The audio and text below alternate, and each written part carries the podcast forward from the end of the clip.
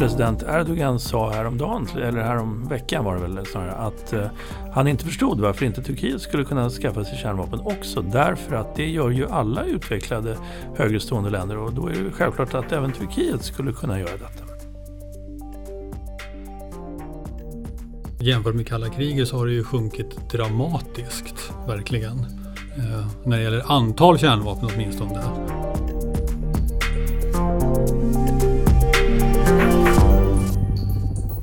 Välkomna till Rapporterat, en podcast om forskning för en säkrare värld från FOI, Totalförsvarets forskningsinstitut.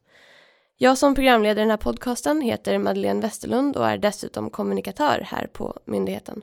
I dagens avsnitt sitter vi med två av FOIs kärnvapenexperter. Mike Winnerstig, enhetschef på FOIs avdelning för försvarsanalys och Jens Wirstam, forskningsledare på avdelningen för CBRN skydd och säkerhet. Välkomna hit! Tack så mycket. Tack så mycket. Inom FOI så har ni båda koll på kärnvapenfrågorna, men ur lite olika perspektiv. Mike, ur vilket perspektiv ser du på kärnvapenfrågan?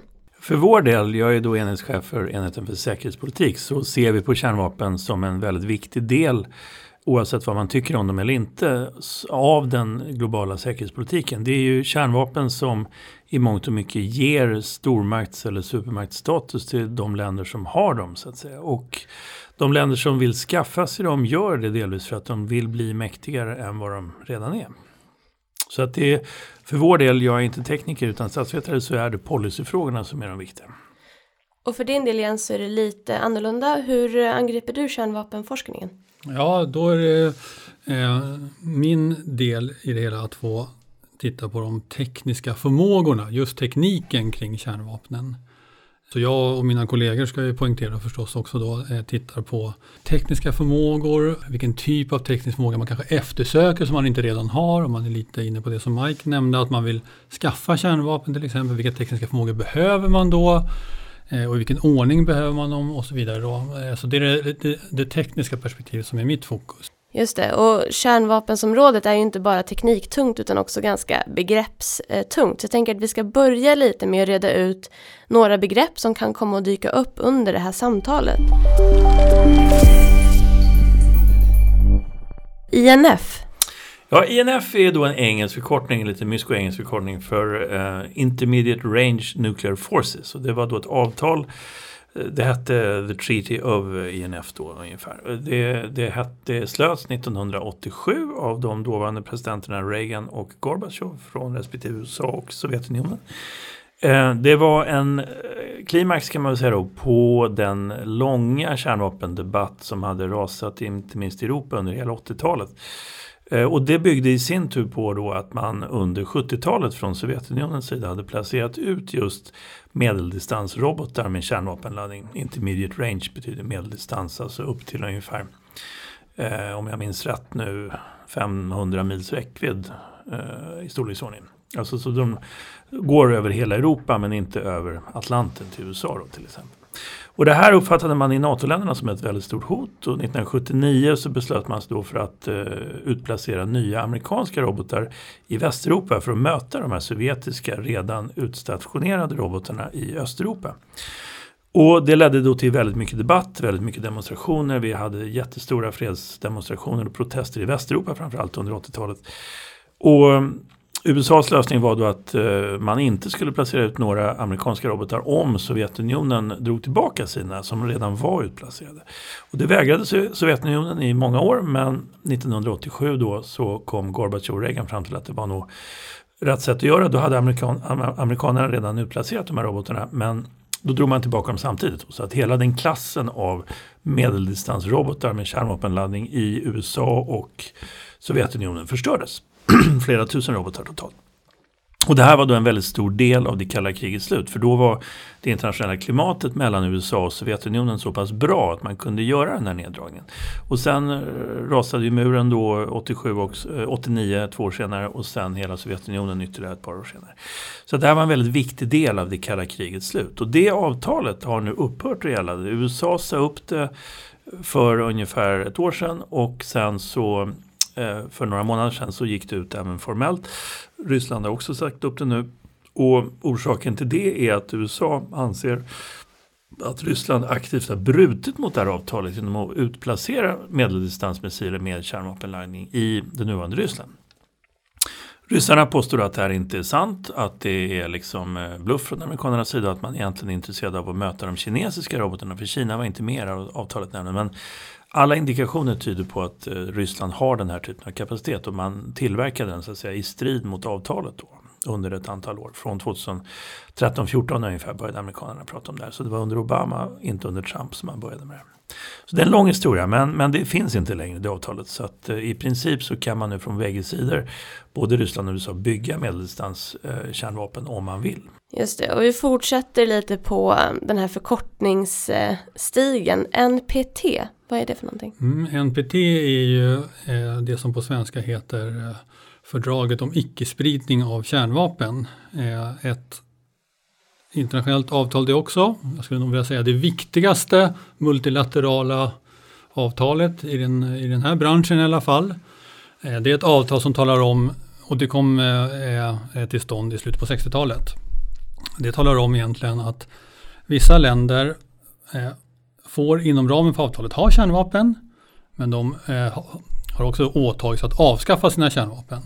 Och övriga länder som går med, däribland Sverige då, eh, vi går med som icke kärnvapenstater. Det vill säga vi har inga kärnvapenstater, eller inga kärnvapen. Vi åtar oss att inte skaffa kärnvapen men i gengäld då så får vi, vad man brukar säga, eh, rätt till fredlig kärnteknik.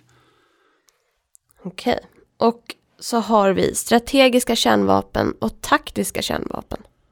Ja, det är en, eh, en, en distinktion som nästan inte går att formalisera. Eh, lite så här eh, på en höft så kan man ju eh, säga att kanske strategiska kärnvapen är sådana där man har strategiska mål med sin, eh, sin krigföring. Det vill säga man har stora breda mål. Eh, eh Medan de taktiska är lite mer som man kan, kan kalla för slagfältsvapen. Man ska vinna en taktisk militär seger helt enkelt. Sen är det lite svårt då eftersom Eh, det är inte riktigt storleken på kärnvapnens sprängkraft som avgör om det är taktiskt eller strategiskt. Det är inte riktigt räckvidden heller. Man kan tycka att om man skjuter över halva jorden då är det strategiskt. Då. Men, men om man är till exempel Pakistan och Indien som är två länder som har kärnvapen båda två men också är grannar. Då är strategiskt mycket kortare än halva jorden förstås. Det är bara liksom en bit över gränsen kanske. Precis, så vi kommer komma in lite mer på hur det ser ut i världen med kärnvapenutvecklingen idag. Eh, men först det sista begreppet, nya start. Ja, start betyder ju då Strategic Arms Reduction Treaty och det handlar då om strategiska vapen, framförallt interkontinentala missiler men även då bombplan med kärnvapenkapacitet som man då kan åka över kontinenter med. Det är det som är strategiskt i sammanhanget. Det var ett avtal som trädde i kraft eh, 2011. Det var en, en uppföljare av många tidigare avtal på det här temat som Ryssland och Sovjetunionen då slöt under det kalla kriget. I rustningskontrollsyfte då att man behövde inte kunna utplåna varandra mer än några gånger var. Så att säga. Det var liksom det som var tanken. Och då behövde man inte bygga ständigt nya vapen utan man kunde lägga ett tak liksom för hur många vapen som behövdes för att uppnå vad man då var överens om, nämligen en kärnvapenbalans. För att bägge sidor skulle ha lika mycket kärnvapen ungefär. Och det här avtalet eh, från 2011 då, det är det sista i raden av sådana här större avtal på strategisk rustningskontroll, eh, tematiken. Och det upphör nu, eller det går ut rättare sagt. Det hade ett sista förbrukningsdatum så att säga 2021, alltså om eh, två år ungefär. Och nu är då frågan om man ska förlänga det eller inte. För det har varit på tapeten länge. Det finns mekanismer i avtalet som gör att man kan förlänga ganska enkelt. Men just nu är klimatet mellan Ryssland och USA väldigt dåligt säkerhetspolitiskt. Och det gör att många tror nu att inte heller detta avtal kommer att överleva. Så att säga. Det får vi se, men, men eh, det finns en tydlig risk för att det inte kommer att förlängas.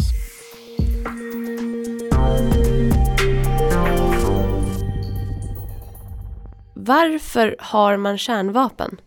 När jag tänker på det, om man bortser från de som har haft de stater som har haft kärnvapen länge då och de stora kärnvapenstaterna USA, eh, Sovjet, numera Ryssland och Kina, eh, Frankrike, Storbritannien. Utan om, om, om man tänker, de var ju på banan när vapnet var nytt.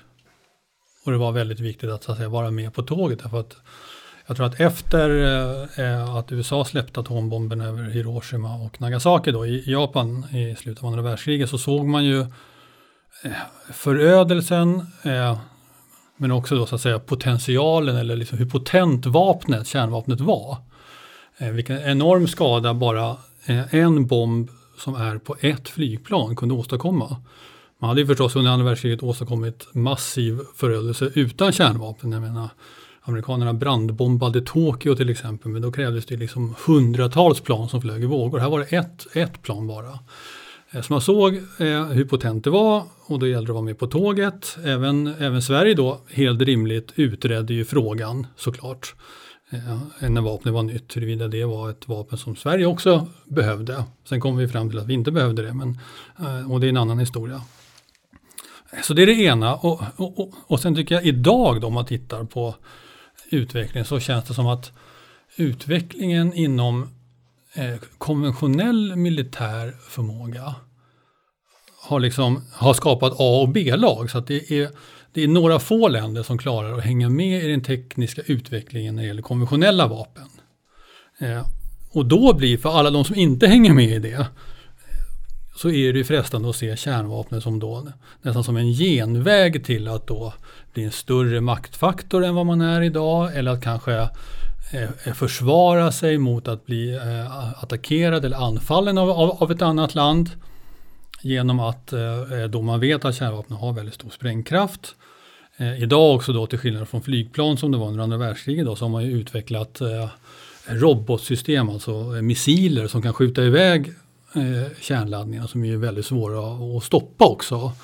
Så att man har, så att säga, har man väl kärnvapen så har man en väldigt stor möjlighet att avskräcka ett annat land från att till exempel anfalla eh, det egna landet. Eh, så det, eh, det tror jag är en viktig, en viktig faktor i, i det här. Ja, jag håller helt med om det och man kan väl bygga på den frågan då som Jens var inne på sist, här, nämligen avskräckningen. Alltså syftet med kärnvapen i motsats till konventionella vapen. Och med konventionella vapen menar vi då de som inte är kärnvapen eller massförstörelsevapen eh, i övrigt. Va? Alltså B och C-stridsmedel och sånt det är ju att avskräcka motståndaren från att attackera en själv. Det är sällan att attackera motståndaren, ens att tvinga den till någonting, utan det handlar framförallt om en avskräckningsförmåga. Orsaken till att Sverige också hade ett kärnvapenprogram för länge sedan, då, på 40 och 50-talet. Det var Jens dåtida kollegor här på FOA, som hette FOA, myndigheten hette FOA då på den tiden, som höll på med de här grejerna. Det var ju liksom att eftersom vi inte var med i en allians eh, med USA till exempel då, så var vi tvungna att försvara oss själva. Eh, nominellt sett i alla fall. Och då var ju ett kärnvapen naturligtvis den allra bästa militära vägen att gå i så fall. Och det är lite grann precis så som även Nordkorea och andra länder resonerar idag. Det vill säga om man inte vill bli angripen av en stormakt så är det absolut bästa motmedlet mot det att ha kärnvapen. Det har ju andra nackdelar. Alltså man kan ju också bli eh, utsatt för väldigt mycket sanktioner som Nordkorea nu är till exempel på grund av sitt kärnvapenprogram, på grund av att de inte är med i NPT och sådär. Men, men det hindrar ju inte att eh, för deras del så är den avskräckande faktorn den viktigaste. Sen finns det också som sagt då en gammal idé om att eh, de permanenta medlemmarna i FNs säkerhetsråd är ju alla kärnvapenmakter. Det var ju för övrigt också de makter som mer eller mindre vann då det andra världskriget. Så det har ju många orsaker till att de just är de fem permanenta. Det finns ju fler kärnvapenmakter idag men statusen i att ha kärnvapen för vissa länder är fortfarande väldigt stor och därför strävar vissa av dem efter det. De vill ha en större maktställning helt enkelt.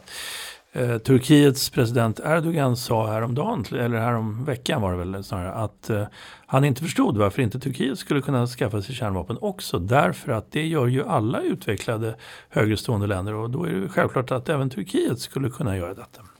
Just det, och eh, tillbaka lite till, för Sverige utredde ju kärnvapenfrågan som du sa när FOI hette FOA. Men varför fortsätter vi forska på det här om vi inte har kärnvapen? Ja, eh, eh, till att börja med så påverkas vi av andras kärnvapen, vare sig vi vill eller inte. Eh, det kan ju till exempel gälla skyddsaspekterna kring eh, att bli angripna eh, med kärnvapen av en annan stat. Eh, det påverkar oss i allra högsta grad, eh, alldeles oavsett om vi inte har egna kärnvapen. Så det tycker jag det är en viktig faktor att försöka förstå hur man kan skydda och bemöta hot mot Sverige helt enkelt med kärnvapen. Eh, och det andra är ju att eh, även om det inte påverkar Sverige direkt så har det ofta en indirekt påverkan i denna globaliserade värld. Eh, jag menar till exempel Nordkoreas kärnvapenprogram påverkar ju på något sätt förhållandet mellan stormakterna, risken för krig i regionen och vad det har för vidare konsekvenser som naturligtvis har en inverkan på Sverige. Så även ur den anledningen är det ju eh, viktigt för Sverige att kunna ha en slags uppfattning om vad som händer, varför det händer och hur det händer så att säga. Det finns ju en aspekt till som är lite mer politiskt då. Sverige har ju eh, sen början på, eller slutet på 60 och början på 70-talet ställt sig mycket eh, emot kärnvapen överhuvudtaget rent politiskt. Det har funnits en ganska bred samsyn om att eh, kärnvapen inte är bra. Men det har också funnits en spänning mellan två begrepp här, nämligen nedrustning och rustningskontroll. Och de här två grejerna kan ju låta ungefär likadana för ett otränat öra så att säga. Men nedrustning innebär då att man satsar på att även de som har kärnvapen idag ska rusta ner dem, alltså ta bort dem, förstöra dem, eh, minska deras antal. Rustningskontroll däremot handlar ju om att se till att inte rustningarna ökar ohejdat och då eh, finns det två synsätt där, vilket sätt som är bäst att gå. Nämligen om man ska satsa på nedrustning direkt, alltså att andra länder ska rusta ner sina kärnvapen. Eller om man ska få, få till internationella samarbeten som gör att de inte skaffar sig fler. Och där har vi väl vi haft en, en eh, i Sverige då rent allmänt en, en eh, viss spänning kan man säga mellan olika aktörer. Och eh, det är viktigt att följa den här utvecklingen också i de aspekterna med. Nämligen om det är meningsfullt att eh, försöka arbeta för nedrustning direkt eller om man hellre ska satsa på avtal som låser antalet kärnvapen. Så att säga. Har Sverige någon, eh, något inflytande globalt vad gäller nedrustningsfrågan? Det är en svår fråga att svara på därför att eh, även om då vi har haft många svenska politiker som har velat ha en väldigt, väldigt hög profil just vad gäller nedrustning, kanske mer än rustningskontroll då, så har ju inte det varit eh, odelat framgångsrikt. Man kan säga visserligen att det finns oerhört mycket färre kärnvapen idag än vad det gjorde under det kalla kriget. Bara på västsidan, alltså NATOs medlemsländer framförallt då eh, under 70-talet så hade man över 7000 taktiska kärnvapen i olika förråd över hela Västeuropa. Eh, nu har man mindre än 200 om man borträknar de nationella då, franska och brittiska kärnvapen. Det finns bara ungefär, man brukar räkna med någonstans runt 180 amerikanska kärnvapen på en 4-5 olika flygbaser i Europa.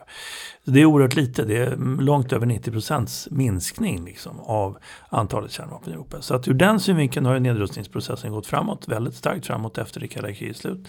Men å andra sidan så finns det ju ingen kärnvapenmakt idag som på allvar säger sig vilja bli en icke-kärnvapenmakt. Utan de som är kärnvapenmakter behåller den förmågan.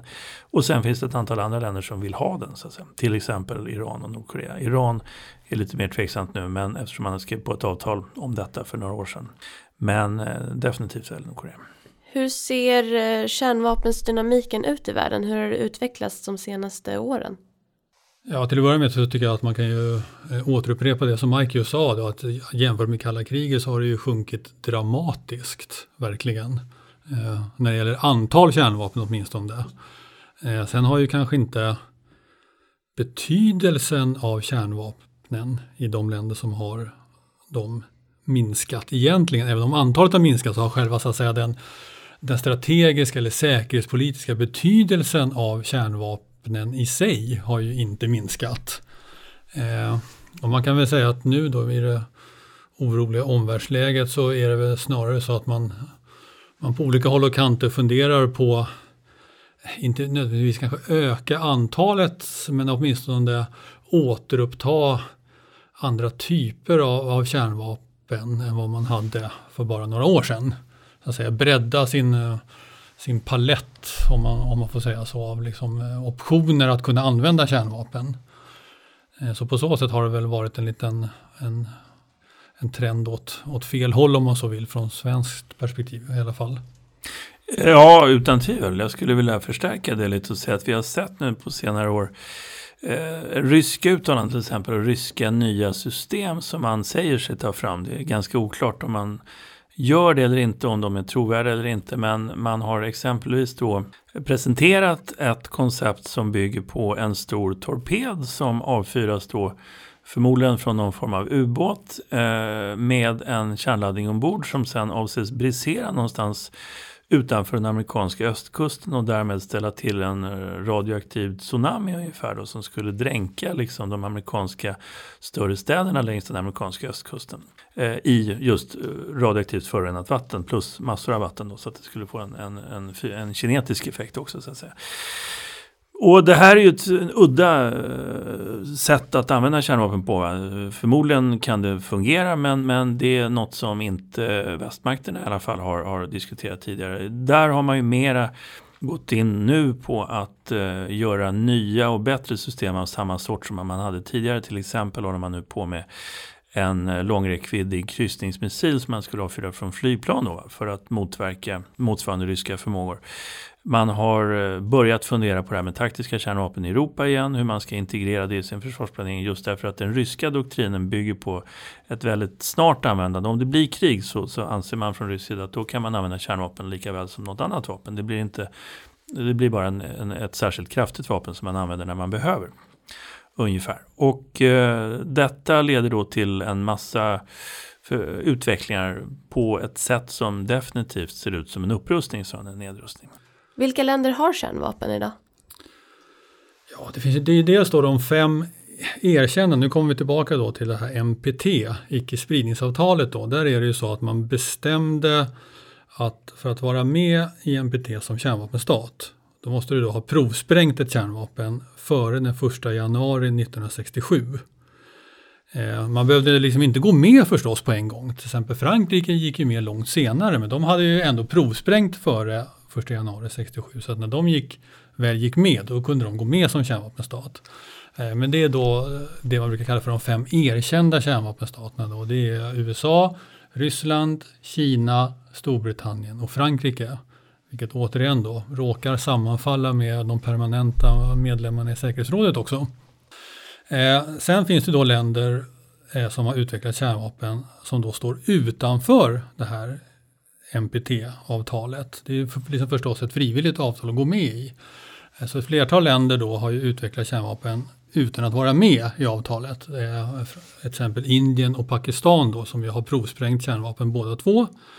Eh, de har ju då, ska man komma ihåg, de har ju också gått miste då om fördelarna med att vara med som icke-kärnvapenstat i NPT, nämligen då att du har rätt till fredlig kärnteknik, alltså kärnkraftverk eller Eh, och liknande saker. Då. Eh, olika typer av radioaktiva eh, ämnen för cancerbehandling eller för att, eh, och så vidare. och Så vidare. Eh, så de har gått miste om det. De har haft väldigt svårt att köpa civil kärnteknik då, så det är priset de har fått betala. Men då, det är Indien och Pakistan. Sen förmodas ju eh, allmänt Israel ha någon form av kärnvapenförmåga. De har varken erkänt eller förnekat kan man säga. Eh, de brukar säga att eh, vi kommer inte vara först i Mellanöstern med att introducera kärnvapen. Men det, och det beror på lite hur man vill räkna Mellanöstern. Men USA eller NATO då hade ju till exempel taktiska kärnvapen i Turkiet för över 60 år sedan, eller för nästan 60 år sedan i alla fall. De finns kvar i Ja, ja. Men. och sen så har vi då Nordkorea också då, som man får säga är en så gott som de facto då så att säga, liksom, i, i faktisk mening eller i praktisk mening en kärnvapenstat idag också. Vi pratar, till exempel Indien och Pakistan som du nämner som, som två sådana länder. Eh, hur påverkar kärnvapen nutida konfliktscenarion? Ja, så till exempel när det gäller då eh, potentiella konflikter mellan Indien och Pakistan som ju är eh, inte alltid liksom bästa vänner eh, så har det ju en en stor inverkan. Dels kan man ju påstå att det har en återhållande verkan. Eh, därför att man vet att båda då staterna inne i Pakistan har kärnvapen. Så det finns så att säga liksom en tröskel, en konflikttröskel som man inte vill överträda. Därför att då kanske helt plötsligt ett av länderna plockar fram sina kärnvapen. Eh, om du förstår vad jag menar. Så man kan ha lågnivåkonflikter runt till exempel Kashmir, då, den omstridda gränsen mellan Indien och Pakistan. Där kan man ha lågnivåkonflikter men man kan inte eskalera konflikten för mycket och börja sätta in stora militära trupper för då är kanske helt plötsligt det andra landet eh, får panik och sätter in eh, ett eller flera kärnvapen. Så det kanske är då eh, att det påverkar då, vad ska man säga, återhållande. Eh, å andra sidan så kan man ju säga att det är klart att det kan ju verka åt andra hållet också. Jag vet inte om Mike vill eh, flika in någonting här om, om Rysslands annektering av Krim och, eh, till exempel. Där, i alla fall eh, jag kan tycka att, att, att det faktum att Ryssland har kärnvapen gjorde då att väst, det vill säga vi, vi i Europa och, och, och, och USA är, agerade väldigt försiktigt eller, eller snarare inte alls nästan Just för att man var inte beredd att ta en konflikt med Ryssland där helt plötsligt då konflikten kunde eskalera eftersom det här var väldigt nära Rysslands eget närområde eller som de själva hävdade, deras eget territorium. Eh, men inte var så att säga egentligen någonting som var direkt avgörande för väst. Eh, jag vet inte om du vill? Nej, men du har alldeles rätt. Jag kan utveckla det där till och med och säga att tittar vi på eh, de baltiska länderna och östeuropeiska ländernas strävan att bli NATO-medlemmar efter det kalla krigets slut så hade det också i högsta grad med det här att göra. De visste att om de inte blir medlemmar i en allians som också omfattar kärnvapenländer. Då kan de bli utsatta för precis det som Georgien råkade ut för 2008 och Ukraina råkade ut för 2014. Det vill säga de var inte skyddade av en stormakt med kärnvapen men blev angripna av en stormakt med kärnvapen. Och då har man som litet land väldigt lite att sätta emot det. Så att eh, hela den här eh, utvecklingen som vi nu har sett de sista åren i Baltikum till exempel, där man har, och Polen med för den delen, där man då har eh, allierade soldater från ett antal andra länder, eh, 12-14 stycken eller så. Men det är ganska små mängder, man har ungefär en bataljon alltså eller bataljonsstridsgrupp om en 1200 man ungefär i varje baltiskt land. Det är i sig ingen avskräckande styrka mot Ryssland. Men i och med att de här, de här soldaterna kommer från länder som Frankrike och England och USA som har kärnvapen så innebär det att om det sker en rysk konventionell attack, alltså utan kärnvapen, mot de baltiska länderna så kommer de ofelbart att hamna i strid mot de här soldaterna som kommer från kärnvapenländer. Och då är eh, risken som ryssarna då löper uppenbar att man ska komma i konflikt med ett kärnvapenland. Och det vill man inte och därför gör man inte det. Så att i den mening funkar fortfarande kärnvapen som en avskräckande faktor även mot aggressiva aktörer. Men Jens har en poäng i, en stor poäng i att eh, givet Ryssland som kärnvapenmakt så och givet att Ukraina då inte var formellt allierat med någon annan, något annat land i, i väst så att säga. Så hände det väldigt lite när en stor del av Ukraina ockuperades och sen illegalt annekterades av Ryssland. Det här är ju också faran, eller då det svåra med avskräckning och var ju åtminstone en av anledningarna till att till exempel Frankrike en gång i tiden skaffade egna kärnvapen eh, under kalla kriget då, för, därför att man tänkte att även om USA har kärnvapen så är det så då att om Ryssland anfaller Västeuropa med konventionella medel eh, och så då blir det eh, eh, ett motanfall från NATO och så kanske det här eskalerar till kärnvapen. Eh, och så använder då Sovjet, som det var på den tiden, så använder de Sovjet kärnvapen i Europa. Alltså då till exempel kanske eh, skjuter ett kärnvapen mot Paris eller mot Hamburg eller vad du vill. Är verkligen USA beredda då att fortsätta eskalera konflikten och själva sätta in kärnvapen när de inte själva har drabbats av kärnvapen? Så att nationen USA har inte drabbats av kärnvapen. Och då drog ju Frankrike slutsatsen att det är för osäkert om USA verkligen kommer vara beredd att liksom eskalera konflikten ytterligare.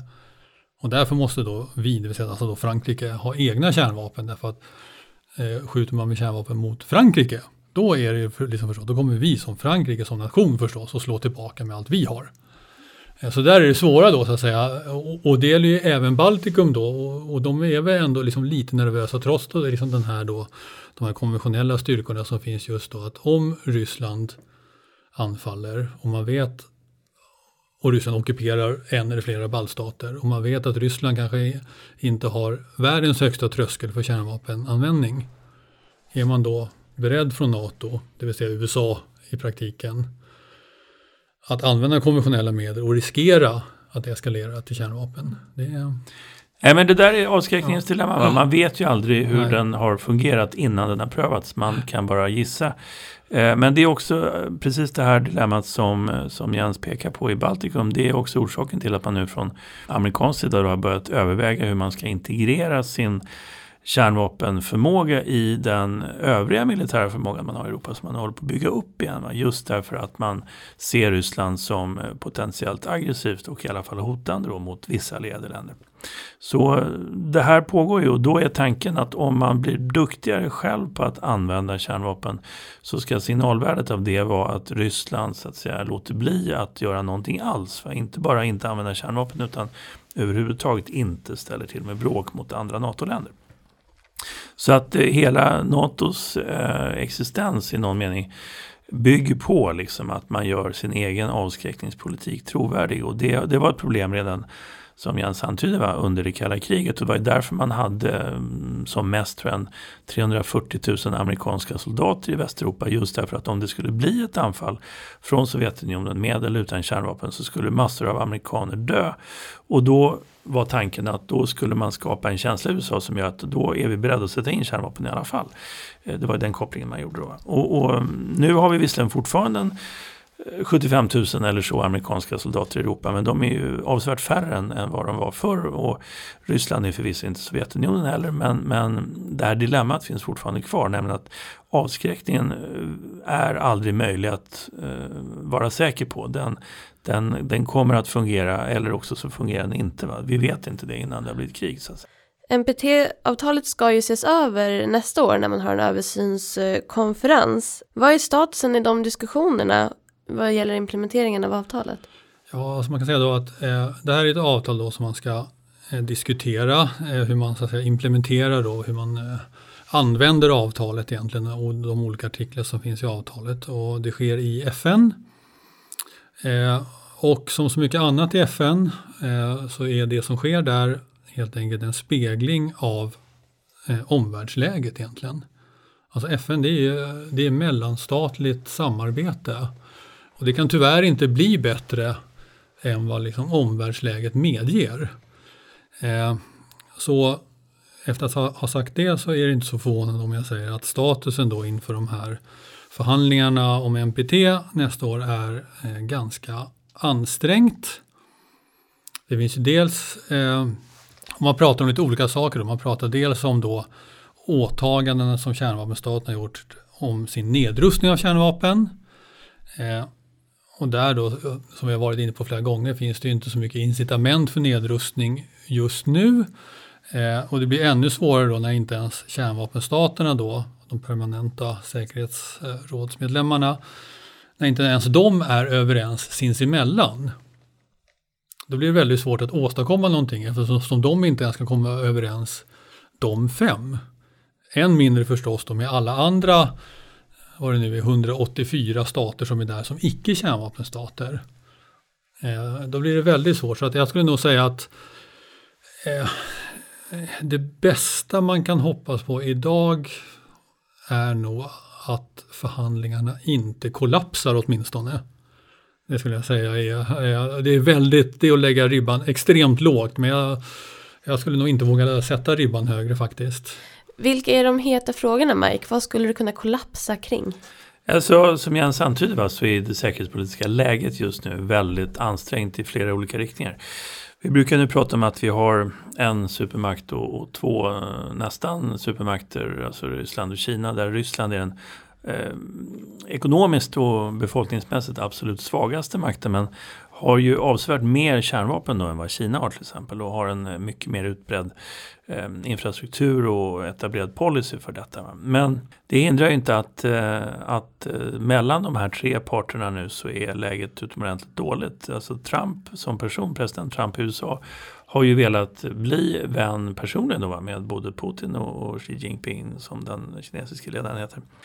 Men eh, det har gått eh, måttligt bra och eh, relationerna militärt och säkerhetspolitiskt mellan de här länderna är fortfarande väldigt dåliga. Till det kommer Trumps egen ekonomiska politik gentemot Kina på handelsområdet som också är väldigt ansträngd. Så att, överlag så är situationen väldigt dålig nu så att jag instämmer helt med Jens när det gäller de här allmänna förutsättningarna. Sen de heta potatisarna som du frågar om, det handlar ju liksom om Eh, delvis då de permanenta fem medlemmarna mot alla andra därför att eh, de permanenta fem är ju då enligt NPT-avtalet skyldiga att också nedrusta sina kärnvapen, minska antalet konkret.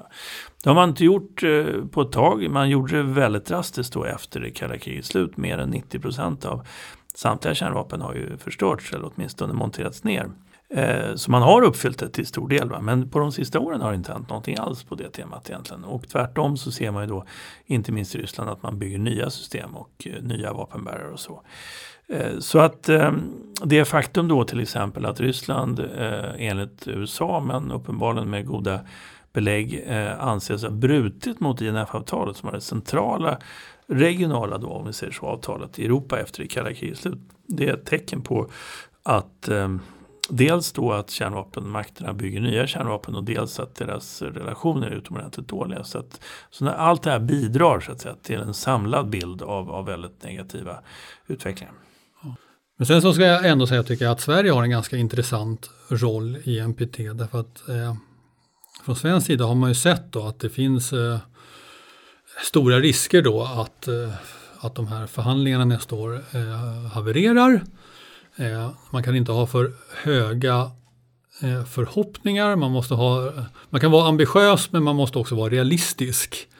Eh, så Sverige har ju då faktiskt eh, sedan i somras då startat ett initiativ eh, ihop med eh, flera andra länder, eh, ganska då liksom traditionella länder som Sverige delar mycket samsyn med, Tyskland, Holland, Japan och så vidare, flera länder också. Där man då försöker sätta någon form av Eh, Eh, och man har kallat det för liksom stepping stones. Eh, att man ska ta, visst det är inte läge nu att komma med konkreta nedrustningsåtaganden på det här NPT-mötet nästa år. Men man kan ha, åtminstone ha några här då stenar som man liksom stegar fram på mot det. Någon form av, det är inte nedrustning egentligen men någon form av liksom delmål kan man kalla det för kanske och här kan det ha, handla om saker som man kanske börjar prata med varandra lite mer egentligen, alltså transparens, vara lite mer öppen med vad man har och vad man har för intentioner och under vilka omständigheter eh, man använder kärnvapen och inte skulle använda kärnvapen och så vidare. Så där har Sverige faktiskt eh, gjort en bra insats och leder det arbetet här nu eh, fram till nästa år. Så det kanske är eh, det som är eh, räddaren i nöden faktiskt rent av. Vi får se. Påverkas de här diskussionerna eh, som kommer vara nästa år av FNs konvention om kärnvapenförbud?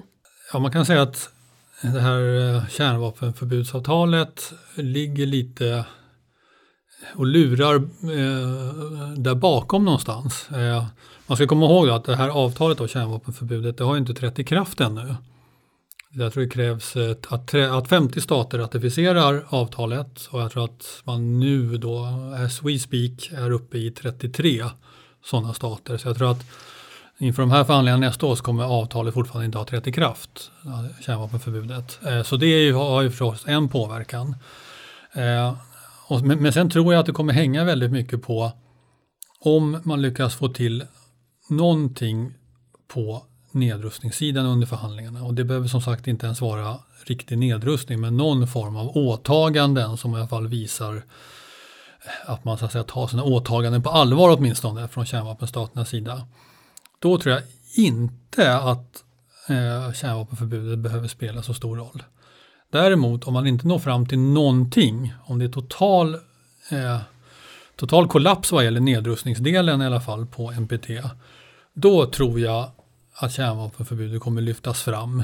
Eh, och då kommer man istället då, istället för att ha massa åtaganden då, så kommer man kräva att, att NPT-konferensen då lyfter fram kärnvapenförbudet. Eh, vilket eh, tillräckligt många stater är väldigt emot. Eh, eh, så det kommer inte ske. Eh, men, men då tror jag att det finns en risk också då att kärnvapenförbudet bidrar i den meningen att det polariserar ytterligare Eh, stater då som eh, antingen vill hålla fast vid NPT eller då å andra sidan tycker att nej, men NPT som vi har sett här nu, då, om det blir så nästa år, det tillför inte någonting till nedrustningen. Nu är det kärnvapenförbudet som är det enda alternativet. Jo, det är en, dock en fråga med stora svårigheter. Vi, vi har ju behandlat den här frågan om kärnvapenförbudsavtalet här i Sverige. Eh, en utredare skrev en lång, nästan 300 sidor utredning om det här avtalet och kom fram till att det var ett dåligt avtal på en massa sätt. Inte bara rent tekniskt utan inte minst policymässigt att det hindrar svenskt samarbete med andra länder som råkar ha kärnvapen. Till exempel USA som är en väldigt viktig samarbetspartner för Sverige säkerhetspolitiskt just nu. Och den här utredningen då eh, skrev vi här på FOI en, eh, ett remissvar på. Jag och Jens eh, var de som gjorde det första utkastet till den kan man säga. Och det var flera andra, andra aktörer i Sverige som skrev ett remissvar på den här utredningen. Och de flesta kom då fram till, alla statliga aktörer i alla fall, att det här, det här är ingenting för Sverige att skriva på heller. Så vi gjorde inte det. Den svenska regeringen bestämde sig här nu i somras för att inte skriva på det. La in en liten brasklapp visserligen som Jens antyder om att om NPT-avtalet inte kommer någon vidare och NPT-processen inte kommer vidare nu under nästa år så kan man lyfta fram det här avtalet igen. Men de grundläggande problemen med avtalet som redan finns, det vill säga att det är inte bra rent tekniskt, det saknas verifikationsmöjligheter i rimlig utsträckning och det påverkar negativt vår förmåga att samarbeta med USA och NATO. De faktorerna gör att för svensk del kommer det här nog inte att spela någon roll i alla fall. Va? Men i den allmänna debatten och bland vissa eh, fredsrörelseorganisationer och liknande så kommer det säkert att vara kvar. Men i det stora hela tror jag inte att det spelar någon avgörande roll. Ja, jag, tänkte just, jag tänkte faktiskt inte på Sverige. Jag tror inte att Sverige kommer hoppa på det tåget heller. Eh, utan jag tänkte mer på många andra stater som är där på NPT. Det är trots allt alla stater i hela världen utom, eh, jag tror att det är fyra stycken. Det är Indien och Pakistan då som vi har pratat om som har kärnvapen och Israel då som har valt att stå utanför avtalet och sen så tror jag att det är så att Sydsudan eh, inte har eh, hunnit eh, tillträda Eh, NPT-avtalet då. Det, var inte så länge sedan de blev en egen nation heller och har kanske haft annat att tänka på. Eh, utan jag tänker att det finns en grupp av länder då som möjligen, alltså i, på NPT, som möjligen har intresse av att det inte går så bra för NPT. Eh, och att man där då istället kommer lyfta fram kärnvapenförbudet eh, antingen för att man är övertygad om det eller för att man ser det som en möjlighet att sätta käppar i hjulet för NPT snarare. Och eh, det här kan vi fortsätta prata om ganska länge skulle jag kunna tro, men nu börjar tiden lida mot sitt slut. Eh, för den som vill läsa mer om kärnvapen generellt, har ni några tips på vad man kan läsa, se eller lyssna på? Alltså FOI har ju skrivit mycket om det här så att om man går in på FOIs vanliga hemsida foi.se letar sig fram till rapporter och eh, sen i sökverktyget skriver in kärnvapen som nyckelord så hittar man eh, oerhört många rapporter på det här temat. Både från eh, Jens linje, alltså den tekniska sidan av FOI och från policysidan där vi har skrivit om det här som ett policyproblem snarare än ett tekniskt problem. Vi kanske kan länka till några av, av era personliga favoriter på www.foi.se podcast. Kan vi absolut. Jens, har du något du vill lägga till? Något som man kan förkovra sig i? Nej, jag håller med om att det finns mycket, mycket bra på FOI. Om man om man mer så att säga börjar eh, har börjat precis intressera sig för kärnvapen, då tycker jag också, och nu har jag ingen specifik bok, men jag tycker det finns många bra böcker som beskriver säkerhetspolitiken kring kalla kriget just för att förstå egentligen rollen som kärnvapnen hade och fortfarande har. Det är så att säga, liksom, rollen har inte ändrats men det ger en bra inblick i egentligen hur, eh, hur viktigt det har varit för eh, stom kärnvapenstaternas eh, säkerhetspolitik helt enkelt. Mm. Vad bra. Tack för att ni kom till Rapporterat. Mm. Tack, Tack så mycket